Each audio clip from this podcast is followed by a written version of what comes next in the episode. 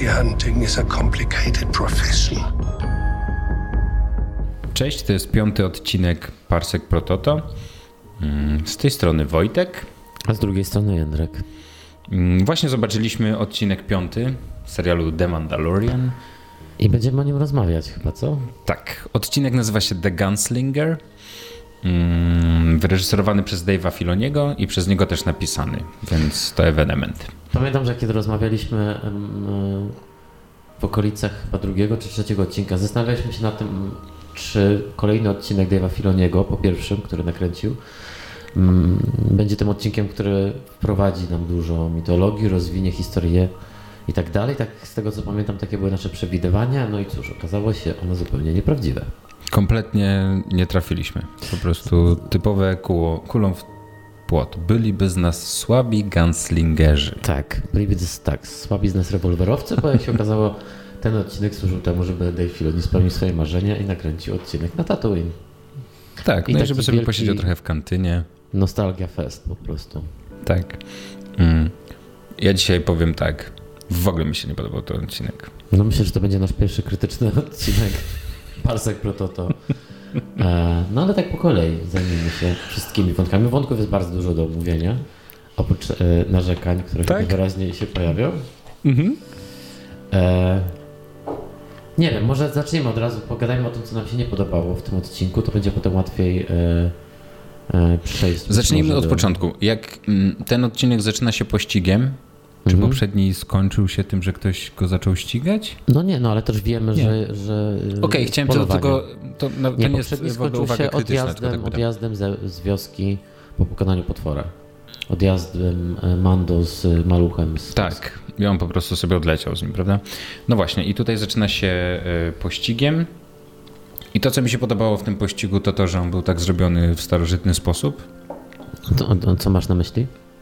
To, jak są zrobione efekty specjalne w nim. To jak są, Czyli, że Nowa Nadzieja to była. Tak, to wyglądało jak z Nowej Nadziei i no i to taki miły ukłon. Rozumiem, że Dave Filoni naprawdę chciał w tym odcinku bardzo pokazać, że oglądał Nową Nadzieję i I zrobił e, tak swoją taką małą etiudę na temat Nowej Nadziei. tak, E, Łącznie z tym, że zaczyna się tak Nowa Nadzieja od pościgu. e, No, Mando zostaje zmuszony do wylądowania na planecie Tatooine, ląduje w Mos Eisley, no i właśnie dzięki temu mamy możliwość przez te 30 parę minut e, odhaczać w zasadzie o odwołania i do pojawiające się postaci.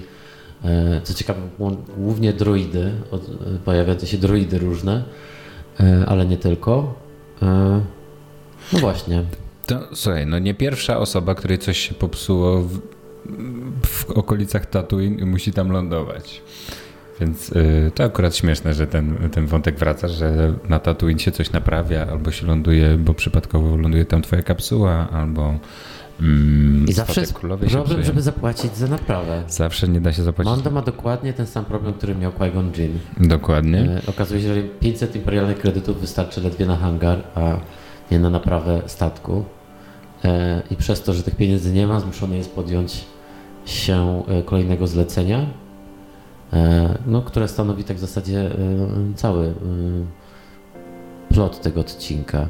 To, co najba- najbardziej mnie... e, Plot to e, takie duże słowo. tak, w ogóle to, co mnie najbardziej od tego odcinka odrzuciło, czy właśnie to, z czym mam największy jakby problem, to jest jakby bardzo kiepski timing tego wszystkiego, jeśli chodzi o pracę reżyserską. W sensie e, ten odcinek faktycznie bardzo przypomina pod wieloma względami pierwszy odcinek i kiedy tam jeszcze aż tak to nie było rażące, bo to był pierwszy odcinek, więc Mhm. byliśmy po pierwsze podekscytowani, po drugie nie wiedzieliśmy jeszcze, co nas czeka. Tak, E, to wszystko no było nowe. Nie? To wszystko było nowe, natomiast po tych trzech kolejnych odcinkach reżyserowanych już przez innych reżyserów, dużo sprawniejszych i bardziej doświadczonych od Filoniego, no to tutaj teraz powrót do tego stylu em, reżyserowania, jaki on, e, jaki on ma, no, był trochę bolesny, bo po prostu, no nie wiem, jest, ca- cały czas miałem wrażenie, że coś jest nie tak, że są jakieś dłużyzny, że, że jakby nie ma energii w tych scenach, że aktorzy są bardzo źle prowadzeni, że, no jakoś nie, bardzo mi nie grało to pod względem wykonania po prostu. W ogóle jakieś takie dziwne decyzje są w tym odcinku podjęte. Yy, Hmm? On decyduje, to już, no nie wiem, tak trochę nie po kolei, ale on decyduje się na to, że lądujemy w kantynie w Mos Eisley, a jakby wprowadza tam tego kolesia, który, którego sobie nawet zapisałem, Toro Kalikan, wprowadza tam tego Toro, który siedzi w tej budce, co Han Solo, mm. oczywiście. I tak go wprowadza, nie wiem, mam wrażenie, że tak nie wiem, nie ma, to, nie ma tam żadnego suspensu. To, co powiedziałeś wcześniej, ale może do tego jeszcze wrócimy w ogóle do tej postaci, do tego, co tam mhm. się dzieje. Mm, to co, to, co ty mówisz o tej, y, y, o reżyserii samej w sobie, to faktycznie ma, trudno nawet stwierdzić, czy to jest kwestia tego, jak ten odcinek jest napisany, bo ja trochę nie wiem, po co ten odcinek w ogóle jest napisany i kiedy on się już skończył, moja pierwsza myśl była taka, o czym to w ogóle było. Mhm. Tak. Tak po raz pierwszy mam wrażenie, odcinek jest to cały czas ta sama jakby struktura, czy też kompozycja tego sezonu, czyli że każdy odcinek jest osobną historią i w zasadzie ciężko śledzić, czy ciężko wskazać, co jest główną częścią historii, a, co, co, a, a które, a które mm, historie są tymi pobocznymi wątkami. Tutaj znów mieliśmy poboczny wątek, ale z niego nic faktycznie nie wynikało, mhm. ani nie, nie popchnął on akcji do przodu, ani nie dowiedzieliśmy się niczego o, o, o naszych bohaterach nie dowiedzieliśmy się też niczego za bardzo o świecie więcej. Nie, no nic zupełnie. Był to taki odcinek faktycznie, którego chyba je, tak jak rozpisywali go podczas przygotowywania jakby storyboardu, czy, czy w ogóle całego scenariusza tego sezonu, po prostu jak odcinek pod tytułem Tatooine. Tak, i w ogóle odcinek Dave'a Filoniego, gdzie on sobie może pozwolić na coś, co rozumiem sobie wynegocjował, że sam sobie napisze odcinek i ten odcinek jakby to już jest trzeci odcinek w tym serialu, o którym można tak powiedzieć, że można zupełnie go wyciąć praktycznie i jakby fabuła może sobie iść dalej, ale w tym odcinku jest to rażące o tyle o tym, co mówisz, czyli że jakby ten odcinek nic nie wnosi, jeżeli chodzi o warstwę emocjonalną albo no, cokolwiek tak naprawdę. Jest tylko takim no, tak, taki, no właśnie plac zabaw Dave'a Filoniego, który, który ląduje nagle na Tatooine i rozumiem, że to, co on chce nam powiedzieć w tym odcinku, to, że E, Tatooine jest opuszczona. Sensie opuszczona. Tam faktycznie są droidy, jest mało w ogóle ludzi. Tak, właśnie to, to jest akurat ciekawe, żeby takie bardzo opuszczone miejsce. Y, to już nie przypomina tego kwitnącego życia portu, e, który znamy z Mlecznego Widma, a znaczy nie, z Mlecznym Widmie to znamy z Mous, Mous, Mos Espa. Tak, a, tak, ale faktycznie jest to zupełnie inne Mos Eisley niż znamy z Nowej Nadziei. E, ta wizyta faktycznie e, też być może była, dlatego było to dosyć dziwne, że ta wizyta w tym e, w kantynie Mos Eisley, tak najbardziej kultowym miejscu w galaktyce prawdopodobnie, mm, była takim letdown w tym sensie, że nic się tam nie zmieniło, w sensie wracamy na, na plan Nowej Nadziei po kilkudziesięciu latach, no ale, ale czujemy, ten... że, że jakby ten świat, w sensie, że ta planeta jest jeszcze większym E, za dupiem niż była wcześniej. Zobacz, bo ten pomysł to, e, żebyśmy wrócili do najbardziej kultowego miejsca w ogóle w historii Gwiezdnych Wojen jest oczywiście świetny. E, I sam pomysł, że wracamy do niego, kiedy on jest kompletnie zmieniony, nie jest już przepełnione ludźmi, nie jest przepełnione gangsterami, tylko jest przepełnione droidami, które w Nowej Nadziei de facto mają zakaz wstępu do tej kantyny. Więc w ogóle odwraca się ta sytuacja to jest bardzo, A, fa bardzo fajne. W sensie mm. jakby ten nawet droid obsługuje. To jest zresztą ten sam droid, który chyba jest w powrocie Jedi, czy nie, czy w Pałacu Jabby on jest. Tak. tak. E, I w każdym razie to prawda. jakby to mhm. odwrócenie jest, jest bardzo fajne, tylko że to niczemu nie służy. I to mnie najbardziej uderzyło, że jakby to tylko po to, żeby spotkać tego Toro, to nie wiem w ogóle, czy jest. Ja nie wiem, czy ja chcę w ten sposób, bo tak możemy zwiedzić całą galaktykę, nie? Możemy mm -hmm. pojechać e, w następnym odcinku na Nabu. Swoją drogą chciałbym, żebyśmy zwiedzili jakąś planetę z prequeli. E, tu mieliśmy z prequeli droidy, e, ale. Znaczy, wiesz, miałem, miałem takie poczucie takiego uh. bezsensu po prostu i zmarnowania w ogóle tej lokacji. Tak, właśnie o tym chciałem powiedzieć, że, że, że sam powrót na Tatooine, jak zobaczyłem tą planetę, jak się pojawiła na ekranie i, i było już wiadomo, że no to jest Tatooine. E, wszędzie bym rozpoznał tę planetę. Oczywiście. no to bardzo się ucieszyłem, ale faktycznie przez to, że tak, obaj podskoczyliśmy no, z radości, że lecimy na Tatooine. Natomiast przez to, że cała akcja była taka miałka i, i cała ta fabuła właśnie taka, e, jak już chyba będziemy teraz przez cały odcinek powtarzać, bardzo niesatysfakcjonująca, no to tak faktycznie ta wycieczka, ten detour e, na Tatooine, no po prostu jest dużym zawodem. E, jakkolwiek podoba mi się to, że, że dostajemy taki wgląd w to, co, jak wygląda ta planeta od czasu, jak ostatni raz mieliśmy okazję ją odwiedzić, czyli E, no, Pięć lat wcześniej w Powrocie Jedi. W Powrocie Jedi, ale wtedy w sumie nie zobaczyliśmy nic poza pałacem Jabby. Więc tak naprawdę ostatni raz to widzieliśmy w Nowej Nadziei, kiedy właśnie kwitnęła życiem, kwitnął życiem port kosmiczny, a teraz jest to miejsce bardzo, bardzo podupadłe do tego stopnia, że gildia się wycofała. E, myślę, że to dlatego, że, że, że nie ma już chatów na, na planecie przez e, śmierć Jabby? Albo globalne ocieplenie. Jest jeszcze cieplej. W ogóle bardzo było mi smutno, że Mando musi w tym kostiumie chodzić po Tatooine.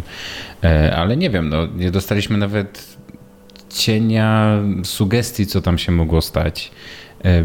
Jakby nie. No tak, można tylko spekulować. No, tak, nie, nie... To, że gildia się wycofała, znaczy, że nie ma tam za bardzo. E, za bardzo że interes tam się nie, nie kwitnie, nie kręci.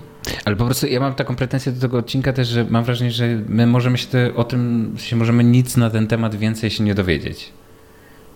Że kiedyś to gdzieś rozwinie, ktoś gdzieś to rozwinie gdzieś w jakiejś książce, albo już to się wydarzyło, o czym nie wiemy tutaj teraz, ale yy, że my, że jakby to nie będzie temat niczego nigdy. A to jest w ogóle ciekawe, trzeba było o tym zrobić odcinek. Nie wiem, jestem po prostu zły. No właśnie. Tak, no oczywiście ten odcinek głównie służy temu, żeby odhacz, odhaczać to, że się właśnie tutaj jest droid y, barman, który był, którego widzieliśmy u Jabby, tutaj w barze pojawia się droid y, ten, Skippy. który mu się zepsuł, tak, Skippy Robot Jedi, e, tak zwany z, Nowej Nadziei. Z, ekstan, y, z pamiętnego komiksu, Gwiezdne Wojny komiks, nie zapomnę tego numeru, e, o, o tym czerwonym astromechu, który E, został wybrany przez wujka Owana jako pierwszy, ale tam coś mu tam wystrzeliło jakieś tam jakieś zabezpieczenie i dlatego Artu jednak ostatecznie wylądował w rękach e, rodziny Ale to widzisz jak wylądował. To to jest w sumie ciekawe. Wylądował jednak w barze, jest, takim, jest taką ćmą barową teraz. Zabity droid. A w tym czasie Artu D2 już jest po całej trylogii, już przeżył te niesamowite rzeczy, w sensie po całej starej trylogii, już nie wspominając co przeżył w prequelach przed nim jeszcze przygody w sequelach. No. no. ktoś tutaj przegrał życie.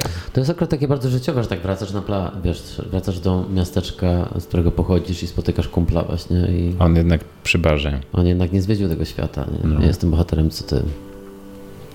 No. Mimo tego, że po drodze straciłeś pamięć. Tak jak Artu stracił. Artu chyba nie stracił. Myślę, że on po prostu Bail Organa powiedział do Altilesa, że wymasz pamięć protokolarnemu droidowi. Nie, wydaje mi się, że zlecił, żeby wymazanie pamięci obojgu. To by oznaczało, że, że Artur jest bardzo złośliwy, bo by bardzo mógł pomóc e, fabule, jak i przede wszystkim rodzeństwu skałek, jak gdyby tam po prostu im wy, wy, e, take those droids, clean fakty. them up and the protocol droids mind wipe. Mhm. No to faktycznie, to jest... E, ciekawa teoria, że Artu o wszystkim wie. To się też wyłącza w The Force Awakens na cały film. No, Ale wróćmy do... Oprócz tych droidów mhm. oczywiście mamy też ludzi piasku, Tusken Riderów. Ta w ogóle scena spotkania oczywiście. była dosyć taka jakaś kuriozalna. E, w sensie nie wiem, też to było to dziwnie po prostu zrobione, oni tak nagle. Rozumiem, że oni są, jest, no. poruszają się w jakiś taki niesamowity sposób, że że nikt nie jest w stanie ich zauważyć, ale ich jakby wyrośnięcie znikąd, nagle za plecami e, tego e, Toro. Tak, Toro. Tak. Toro Kalikan. Straszna postać, ale o tym za chwilę pogadamy. Za chwilę wrócimy e, do tego. No. E, podobało mi się tutaj tylko e, e, Miganie. Miganie. To Miganie było, było fajne. fajne. I sugestia, że to oni są prawdziwymi lokalsami na Tatooine, a tak. nie cała reszta. I tak naprawdę jakby tak na to spojrzeć, to faktycznie to oni są tym, y, tym rdzennym ludem Tatooine i w takim razie powinniśmy trochę z większym szacunkiem się do nich odnosić i być może jednak to... Y, y, a nie teraz mordować teraz mężczyzn, prostu, kobiety i dzieci też, jak w historii spotkało nie dość, że dużo cierpienia i śmierci zadanej z rąk Anakina, to również oszczerstw z ust Obiłana, i potem Luka, on w ogóle Luka, tych głównych tak. bohaterów mają...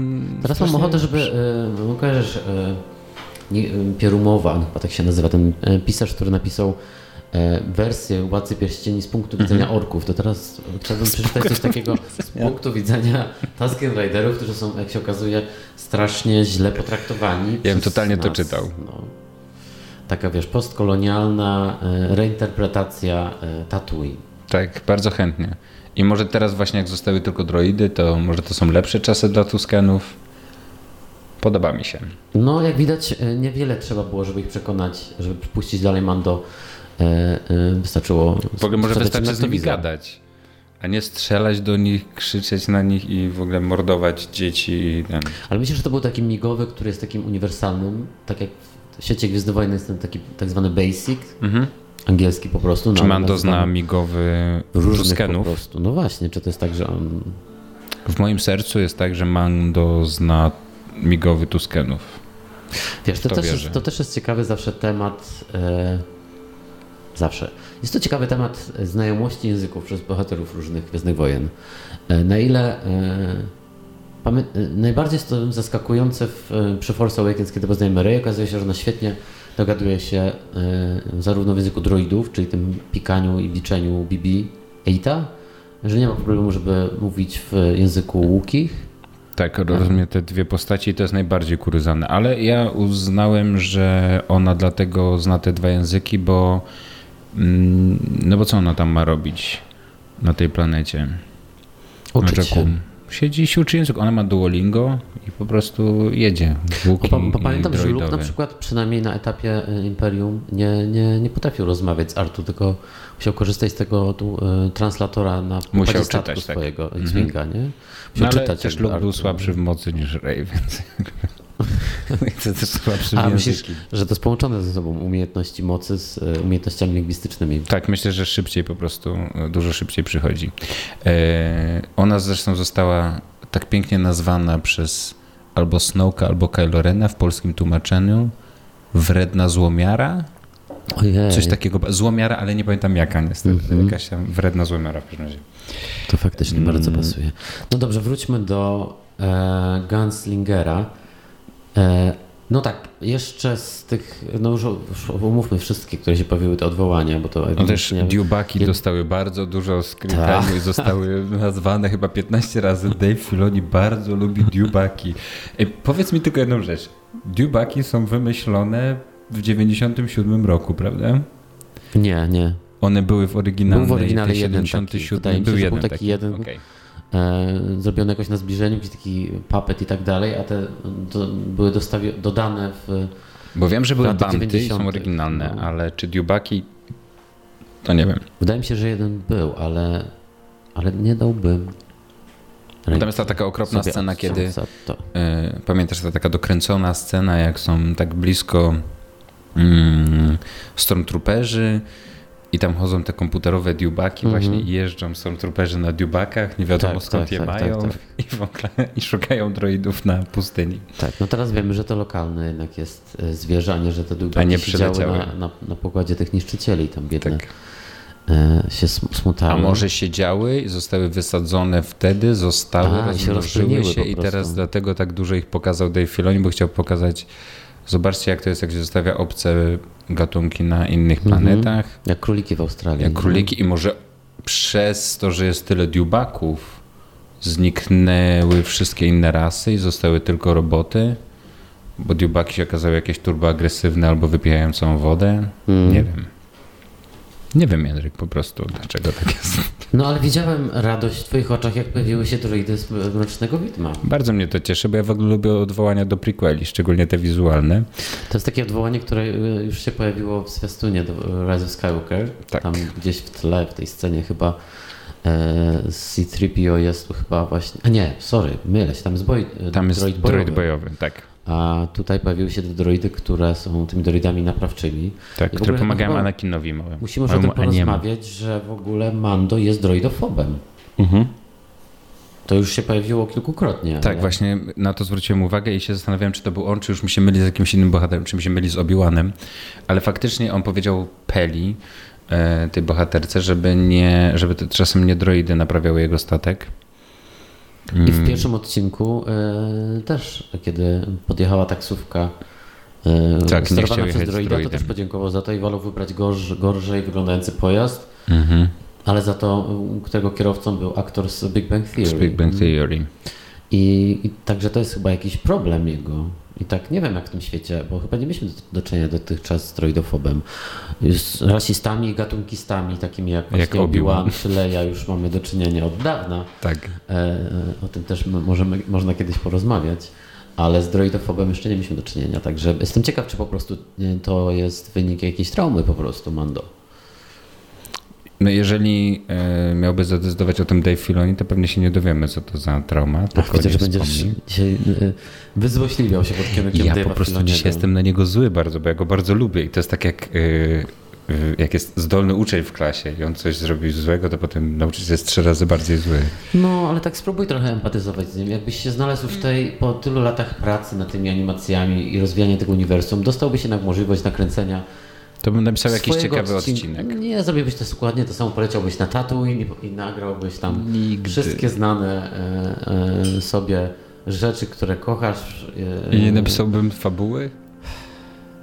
Wiesz co, fabuła to jeszcze jedna rzecz. Ja mam dużo, yy, wracając znów do krytyki, zanim przejdziemy jeszcze do omówienia, mam nadzieję, jakichś ciekawych elementów tego, tego odcinka, to ja mam największy problem, drugi, bo już o pierwszym powiedziałem, jest drugi największy problem. Powiedzmy, że są dwa duże problemy, które mam. Z tym, że w tym odcinku nagle strasznie wylądowaliśmy w telewizji, jeśli chodzi o aktorstwo. Skąd ci aktorzy wzięli? Co e, to jest? Gościu, który gra Toro Kalikana, ale też jego koleżanka Peli, która jest wcześniej. Zresztą później ta Bounty Hunterka. Całe, wszystkie nowe postaci y, y, są y, no, naprawdę z, telewizja y, Gwiezdne Wrota. Tak. Z całym szacunkiem dla Gwiezdnych Wrót, ale Tak. jednak ten poziom jakby aktorstwa, jeśli chodzi o, o postaci epizodyczne, drugoplanowe. Nie no, takich twarzy nie widzieliśmy chyba jeszcze. Jeszcze ta Peli była w miarę ciekawa. Peli no, jako jedyna się broni, ale to też oczywiście przez to, że jest z maluchem związana. Przez perukę też swoją, którą miała jakąś taką sympatyczną. No ale osoba grająca Tori Kalikana jest... Nie wiem, nie wiem co to było. To jest po prostu z jakiejś teen dramy wyciągnięta postać. W sensie takiego Mhm. aktora spodziewałbym się prędzej w Riverdale e, niż w Mandalorianie. I e, Znaczy tak, żeby też było jasne, miłość dla Riverdale. tak, tak. Chciałem, jakby to jest jasne, żeby sprawa była jasna. Bo Jakby nie ten poziom Tak. aktorstwa, którego wymagamy. Nie tutaj. ten poziom i w ogóle bardziej bym go widział po prostu w takiej kurtce e, z high schoola, e, który mruga oczkiem do, no nie wiem, do jakichś kolesi czy do jakichś dziewczyn, ale takiego podrywacza, a nie po prostu bounty huntera. To w ogóle bym nigdy do ręki nie dał nic do strzelania, bo by coś sobie zrobił.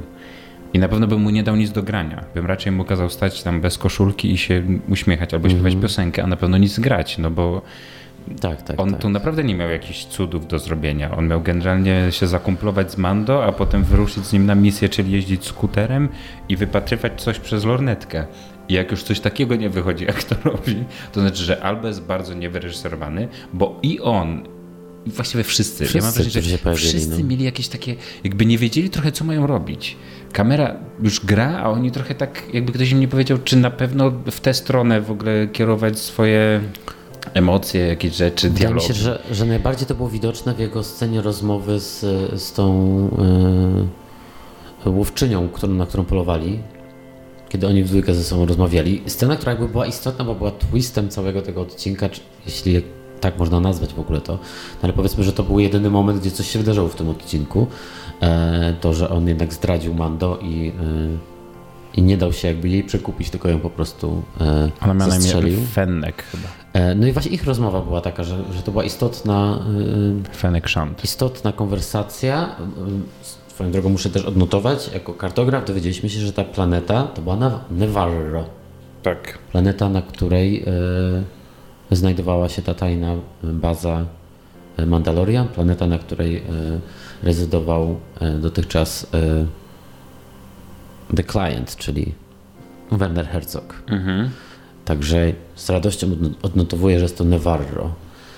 E, no właśnie, to też się dowiedzieliśmy z tej rozmowy, natomiast e, dla mnie to był już pik tego, że nie mogłem znieść już e, tego, co się aktorsko dzieje w tym odcinku. E, cieszę To się, wygląda, że... Może to też był taki ukłon do prequeli. Może to w ogóle był taki duży ukłon do George'a Lucasa. Może to jest ten odcinek, na planie którego był George Lucas. To No właśnie, bo- uwagi od niego. Ta, ta, jak, jak oni przyjechali i tak stoją ze sobą, rozmawiają na tej pustyni przy tych spiderach, też miałem takie wrażenie, że oglądam coś, co totalnie można wyciąć i wkleić do prequeli i nikt by się nie zorientował. I wizualnie, i aktorsko. Coś takiego no, płaskiego, po prostu telewizyjnego, okropnego w tym jest.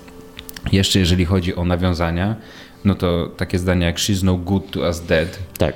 No już w tym momencie już chciałem po prostu rzucić ołówkiem w ekran i po prostu krzyknąć, żeby przestali to robić. Chwilę później było, e, że e, she has the high ground. Tak, she has the high ground. były takie Już cytaty. po prostu E, Był nie do zniesienia ten odcinek przez Tak.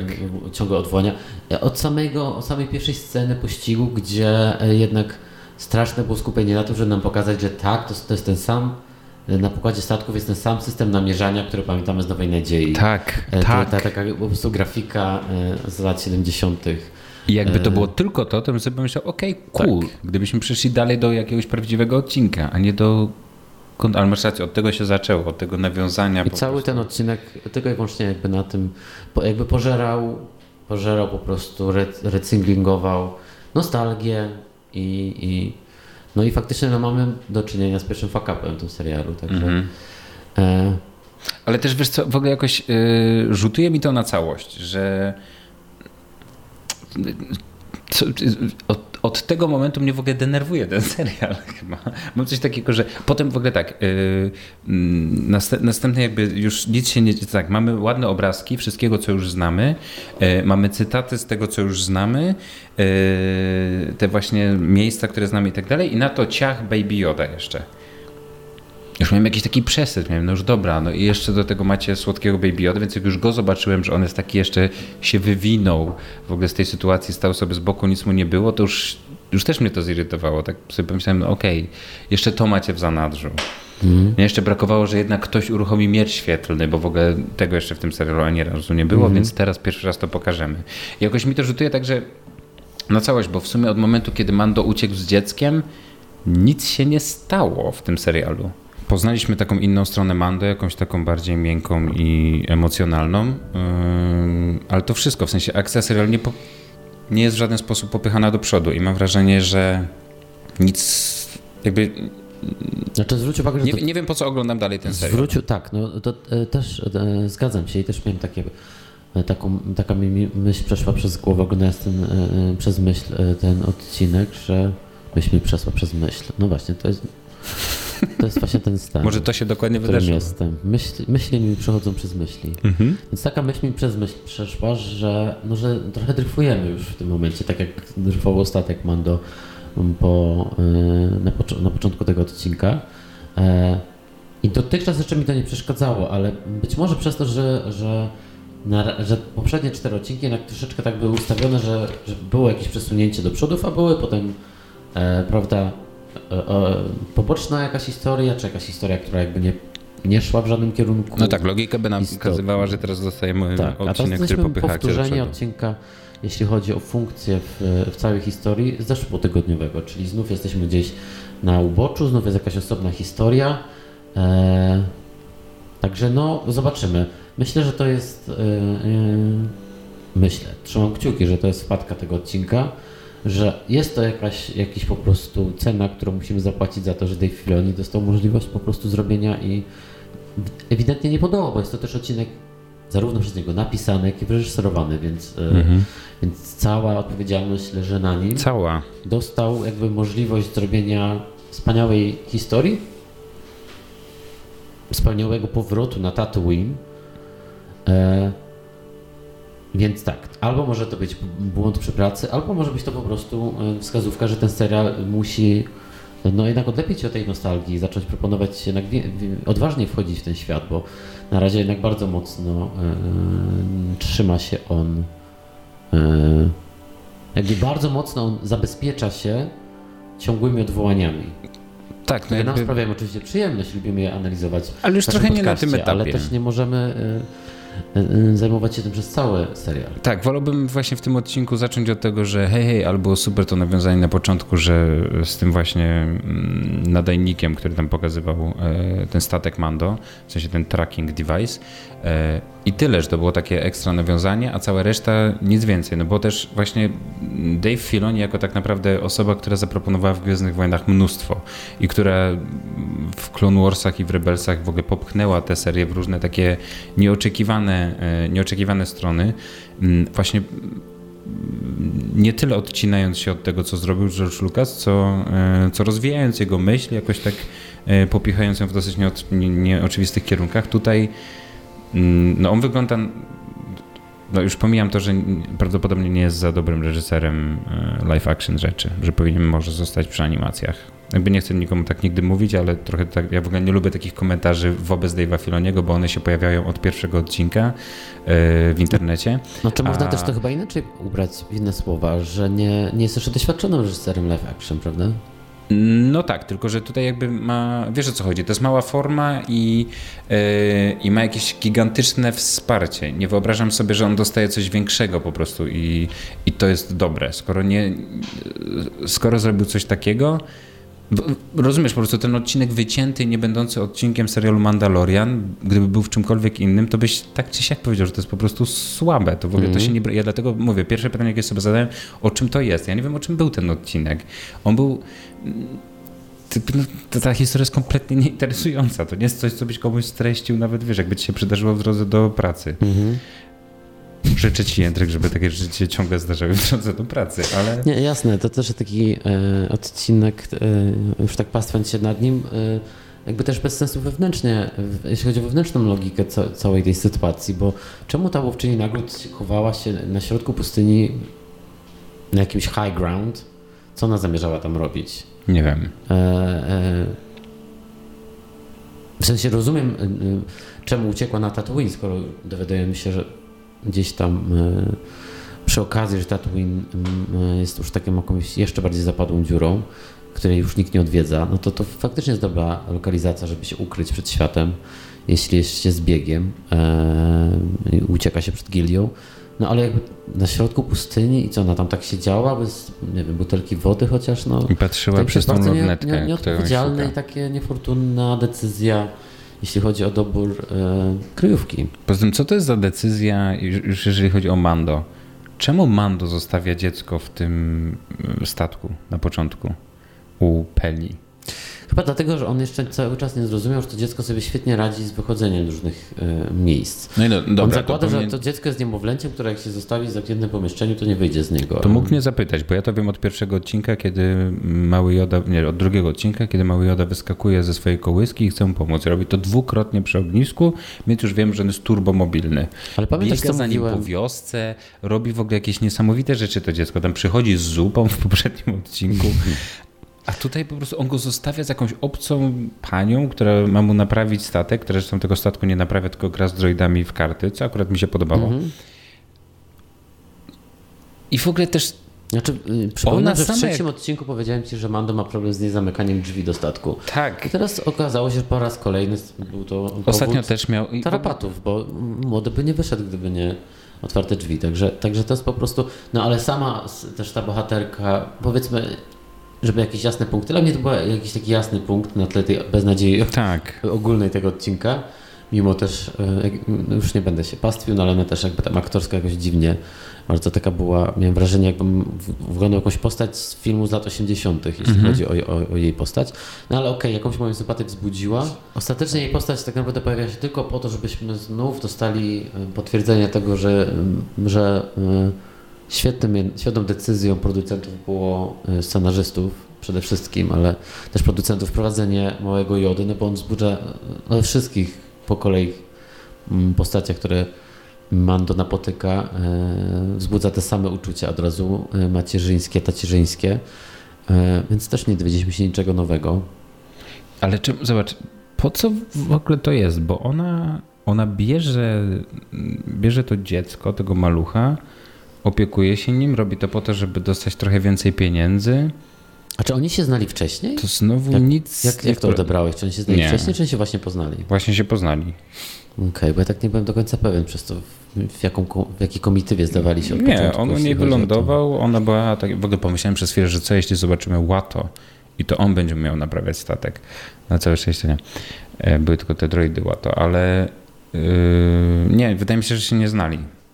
W ogóle tego tak nie odebrałem, więc ja po prostu Mhm. nie wiem, ten Toro, który zabiera to dziecko, potem ucieka, zabija tą dziewczynę. Po co ona jest w ogóle wprowadzona, ta dziewczyna? Oni było Mhm. jakieś halo w internecie przez cały czas, że ta aktorka będzie ją grała. A czemu? Nie wiem. ale ona była ogłoszona na Expo D23, że, e, e, że będzie grała w tym serialu i to było wielkie halo. Ming Na Wen się nazywa ta aktorka. Jakby Znaczy, no też nie, nie, nie, powiedzmy, że przez te pół godziny też nie było czasu, żeby cokolwiek nam o niej powiedzieć. No właśnie o Oprócz tej jednej sceny właśnie z Toro, która skończyła się jej śmiercią i na szczęście niedługo później jego śmiercią, dzięki czemu już nie musimy. E, Też pomyślałem e, przez to, że, e, że te nowe postaci w tym odcinku były tak kiepskie, szczególnie w porównaniu z paroma, które się pojawiły dotychczas, ona że dubbingowała też, Mulan. że trochę też mnie, słucham? Ona dubbingowała Mulan A, tylko. Okej. Że też mnie trochę zaczyna jednak nużyć to, że w każdym odcinku są nowe postaci, które potem Tak. znikają. To y, y, no, nie wydaje mi się, żeby to był dobry pomysł na, na utrzymanie naszego zainteresowania. Jednak E, nasz główny tak, bohater aż ma tak głowę z, za maską. Mhm. I my nie mamy żadnego wątku. W sensie y, piąty odcinek, a wątek jest jeden. A bohater nie ma twarzy. I to tylko ten bohater ma jakieś rzeczy związane w sensie jakby jedyne, co oprócz tego wiemy, co mu się przydarzyło, to że dostał nową zbroję.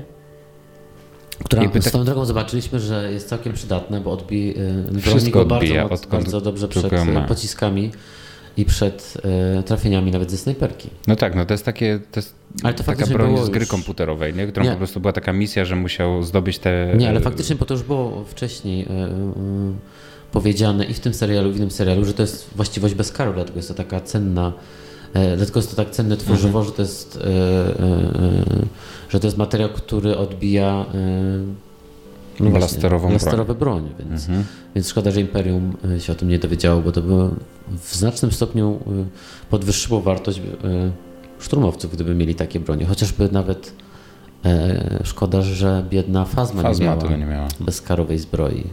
Nie wiem, czy przed ogniem by ją uratowała i upadkiem w czeluść ognistą, no ale Jeszcze się okaże, czy ona żyje, czy nie. być może jednak była w bezkarze. Myślisz, że żyje? Nie, nie żyje. Ja myślę, że 50 na 50, że J.J. Abrams jednak ją wskrzesi.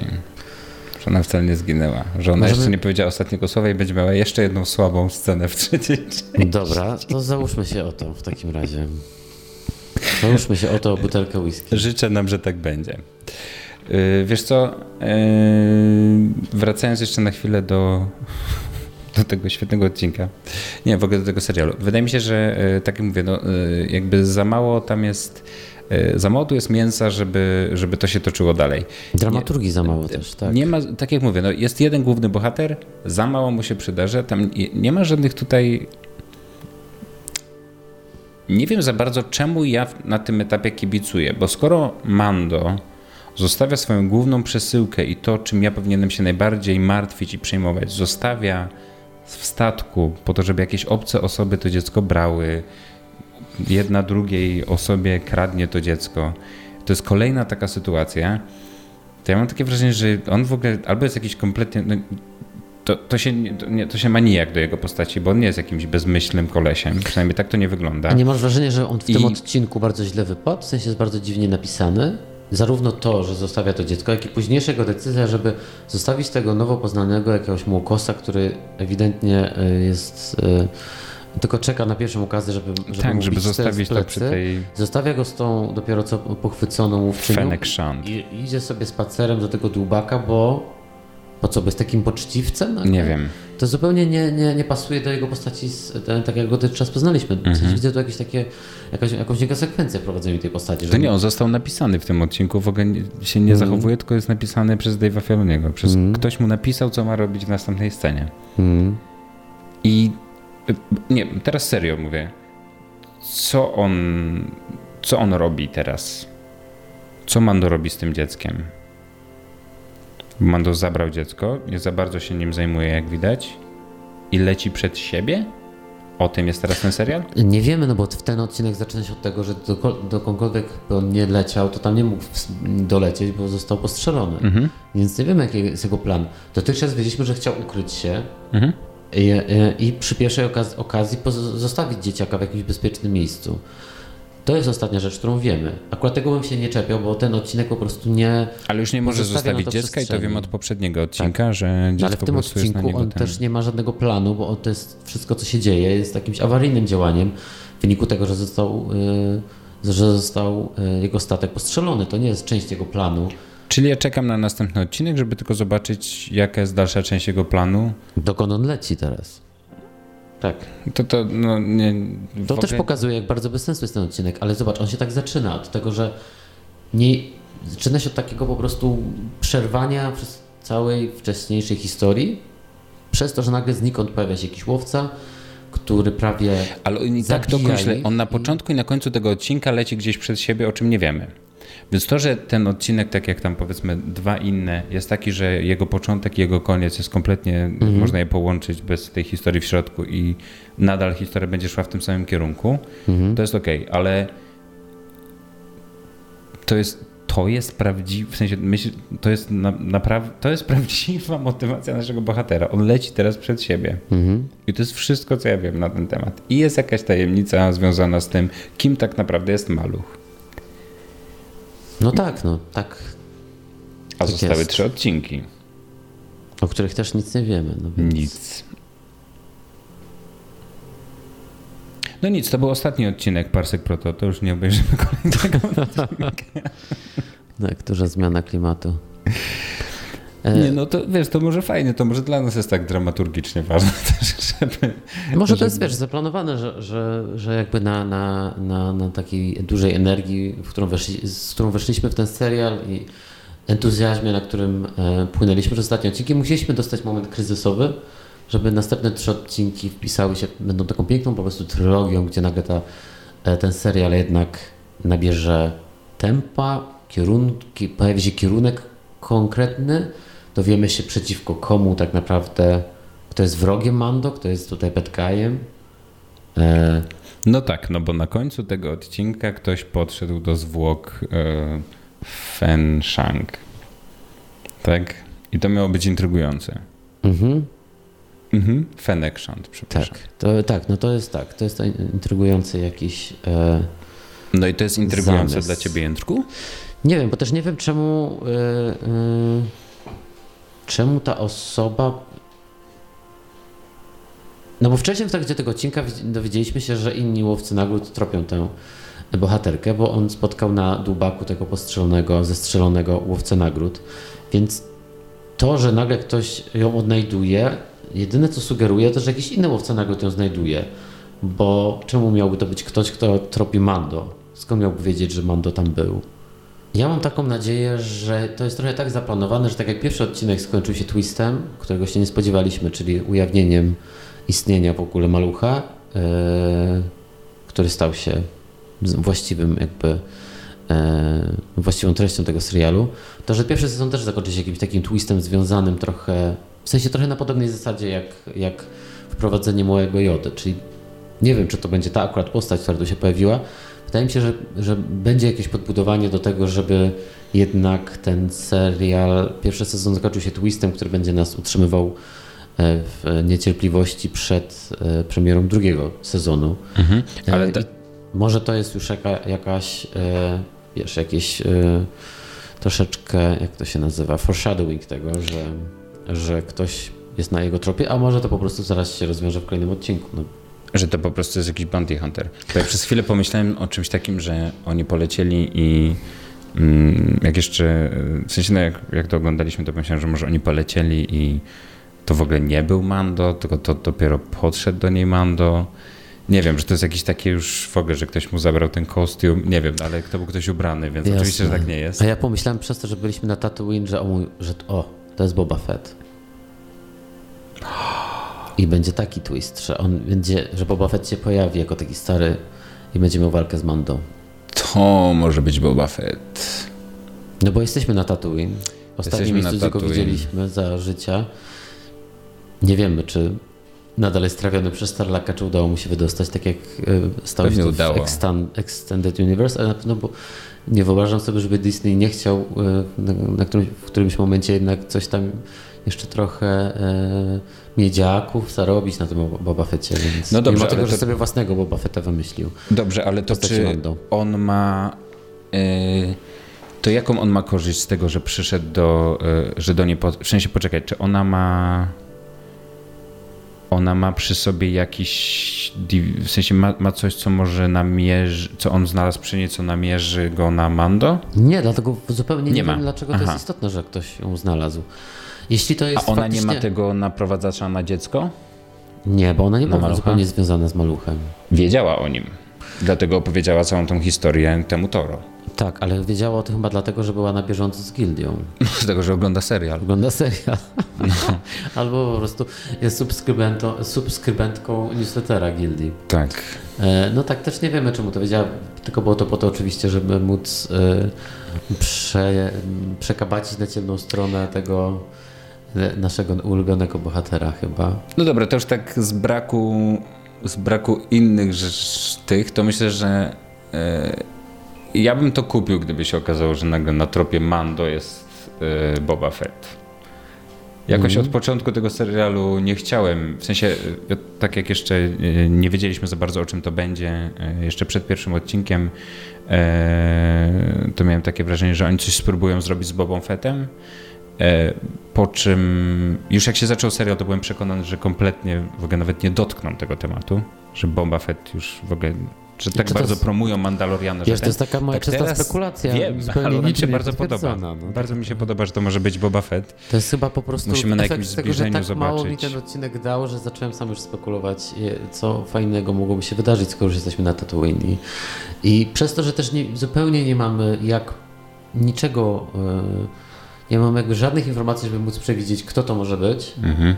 I też jak bardzo irytująca było to wstawienie tego na sam koniec. E, przez to właśnie, że nic nam to nie mówi. No to, no to jest jakaś zachęta, żeby sobie po, pomarzyć, że, e, że na przykład ostatni odcinek będzie o konfrontacji Mando z Bobą Fettą. Bobą Fettą z Boba Bobą Fettem. Fettą. I, e, I w ten sposób poznamy jakby zakończenie historii Boba Fetta, które będzie bardziej spektakularne i pasujące do legendy, jaka się wytworzyła wokół tej postaci, niż przyznajmy jego dosyć żałosna śmierć w powrocie Jedi. Powróć Jedi. No tak, zastanawiam się, czy w takim razie. No dobrze, zostały nam trzy odcinki. Mm, Co wiemy o przyszłym odcinku w ogóle? O przyszłym odcinku wiemy, że robi go e, Fumaiwa, e, czyli reżyser drugiego odcinka. Mhm. E, on też go współpisał. Mm, No i zobaczymy. A i później mamy jeszcze Deborah Chow, jeszcze Deborah jeden Chow. odcinek i rozumiem kończy znowu... Taika Waititi. A, Reżyseruje ostatni odcinek. No i to sprawia, że jest duży hype faktycznie ten ostatni odcinek, skoro to on robi. Tak, to dadzą mu rozwiązać tę historię. To chyba nie jest jeden z tych seriali, które, e, które swój kulmi- kulminacyjny moment będą miały w przedostatnim odcinku i potem dopiero e, jakby w ostatnim odcinku jest jakieś też em, jakieś nawiązanie akcji do następnego sezonu. Myślę, że No to chyba nie ma na to przestrzeni, nie po ma na to prostu, nie ma na to czasu e, Tak. i przestrzeni. E, Faktycznie no, zostały nam trzy odcinki i po dzisiejszym odcinku no, troszeczkę jestem zmartwiony, e, że, e, że może ta historia, bo zupełnie będzie inaczej, jak porozmawiamy o tym serialu jako już ośmioodcinkowym, e, czterogodzinnym w Filmie, zasadzie mhm. obrazie. No i zobaczymy. No. Na razie ten tydzień wzbudza w nas mm, lęk, wzbudza w nas trwogę, wzbudza w nas przerażenie. No tak, Nie no, przesadzam. nie przesadzasz, bo po ostatnim Nie, bo to faktycznie odcinku... jest, jest to jakieś osiągnięcie, żeby jednym odcinkiem sprawić, że zaczynamy naprawdę wątpić w cały serial. To Ja z reguły nie mam też takiego, nie mam z reguły też takiego podejścia, że, y, że jesteś tyle wart, co ostatnia rzecz, jaką zrobiłeś, nie? Czyli takie, takie hollywoodzkie No. jakieś podejście. A, Pięknie. a w tym serialu jakoś takie mam wrażenie, że to bardzo rzutuje, bo myślę, że dużo kredytu zaufania jednak daliśmy w, tym odcinkom, które już nie popychały akcji do przodu, które zajmowały się właśnie takimi rzeczami jak, nie wiem, emocje, lepsze postanie, jakiej, po, no. poznanie jakiejś postaci, a tak naprawdę ten serial nie zajmuje się za bardzo tym, żeby mm, żeby budować zainteresowanie tym, co będzie dalej. Wygląda to trochę tak, jakby z założenia nas miało interesować cokolwiek wydarzy się w tym świecie. Bo przecież są w nim dżałowie, mm. ludzie pustyni, są w nim latające statki i mały Joda i zajebisty Madalorianin. Mm -hmm. I Werner Herzog oczywiście. W tym sensie jest to podobnie, e, podobny pomysł na prowadzenie historii, jak był w dotychczasowych serialach animowanych, gdzie też była jakaś taka, e, myślę głównie o Rebelsach, mm -hmm.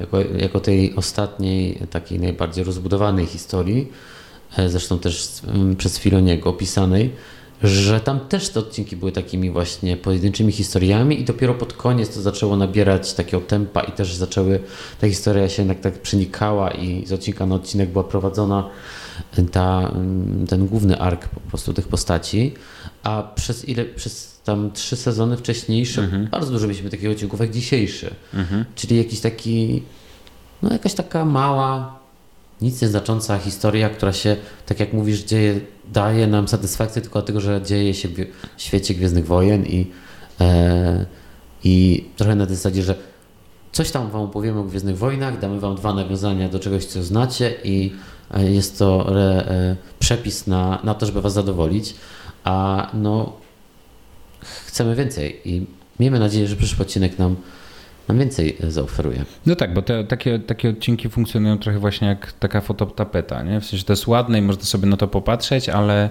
ale nic więcej. Trochę też taka gra komputerowa.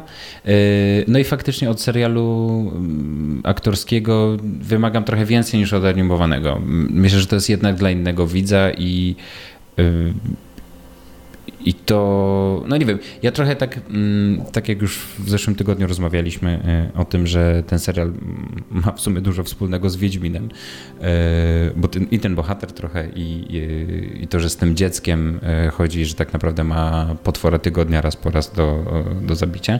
No i to jest taki też trochę kolejny odcinek, taki powiedzmy Wiedźminowaty, gdzie on po prostu ma jakąś małą misję do zrobienia, ten samotny strzelec w tym wypadku. I tak myślę, że jeżeli za chwilę dostaniemy tego Wiedźmina z tym, jak on się zapowiada, i on jest taki bardzo dla dorosłych, to, e, to to też w, mojej, w moim odczuciu niedobrze robi temu serialowi, bo on sprawia, mhm. że on jest jeszcze bardziej dla dzieci. E, a zupełnie na takie się nie zapowiadał. I tam do, do tego trzeciego odcinka takie miałem wrażenie, że jednak y, całość jest zbudowana dla dużo starszej widowni i mam nadzieję, że wrócą do tego, że jakby, no, no oczywiście jakby wiadomo, każdy serial może mieć jakieś, jakieś spadki. No i może dobrze, że mamy za sobą już, y, już taki spadek y, w tym serialu i miejmy nadzieję, że faktycznie będzie lepiej. W takim razie co? Do usłyszenia za tydzień. Do Miejmy nadzieję, że będziemy mogli powrócić do entuzjazmu i zachwycać się szóstym odcinkiem Mandaloriana. E, e, zachęcamy do komentowania, odzywania się do nas. E, jeśli się z nami nie zgadzacie, to chyba tym bardziej chcemy, żebyście się do nas odezwali. Chętnie podyskutujemy i będziemy kontynuować rozmowę na tak, naszych tego, kanałach. Do tego lajkujcie, subskrybujcie i co tam się nie robi w internecie, bo e, to podobno dobrze robi widoczności samego podcastu. Ja mam ostatnie pytanie, zanim zakończymy. Tak. Czy już zadecydowałeś, jak będzie wyglądał Twój tatuaż e, małego jody? E, no jeszcze nie wiem, czy mi się cały zmieści na twarzy, ale się zastanawiam, czy ma tak wchodzić na szyję trochę. nie jestem jeszcze pewien. Bo jest już, jest już to oczywiście craze. Widziałem, że. Przepraszam, że dzisiaj, dzisiaj strasznie dużo angielskich słów, ale dlatego, że cały dzień siedziałem na konferencji i mi to się włączyło. Jestem zmęczony i uzupełniam braki w słowach polskich mm -hmm. słowami angielskimi. Także ten craze mm -hmm. jest już taki, że widziałem już zestaw chyba, e, zestawienie 40 chyba tatuaży już wykonanych w przeciągu ostatniego miesiąca. Myślę, że są już faktycznie setki. Jesteśmy do tyłu, no. Jesteśmy do tyłu, ale obiecujemy, że do przyszłego tygodnia każdy z nas będzie miał już tatuaż z jodą, z małym jodą. Zachęcamy do przesyłania propozycji, bo weźmiemy je pod uwagę. Tylko, że ja po dzisiejszym odcinku nie wiem, czy nie zrobić sobie tatuażu z Toro Kalikanem. Mm. bo nie wiem po prostu, czy to nie jest moja ulubiona postać z Gwiezdnych Wojen. Hmm, czekam na komiks od Marvela e, o Toro Kalikanie. Taką całą serię bym przeczytał. Dobrze, już, już, już dajmy spokój. Jak tej Filoni usłyszy ten odcinek Parsek Prototo, to nas odlejkuje, więc... Mam nadzieję, że posłucha i że... I pójdzie mu w pięty. I pójdzie mu w pięty i następny odcinek zrobi wspaniały, bo wierzymy w to, że ten... Ja trzymam kciuki za Dave'a Filoniego, bo myślę, że zrobił dla Gwiezdnych Wojen dużo dobrego. I pozdrawiam go z, tej, go z tą serdecznie. Do usłyszenia za tydzień. Bounty hunting is a complicated profession.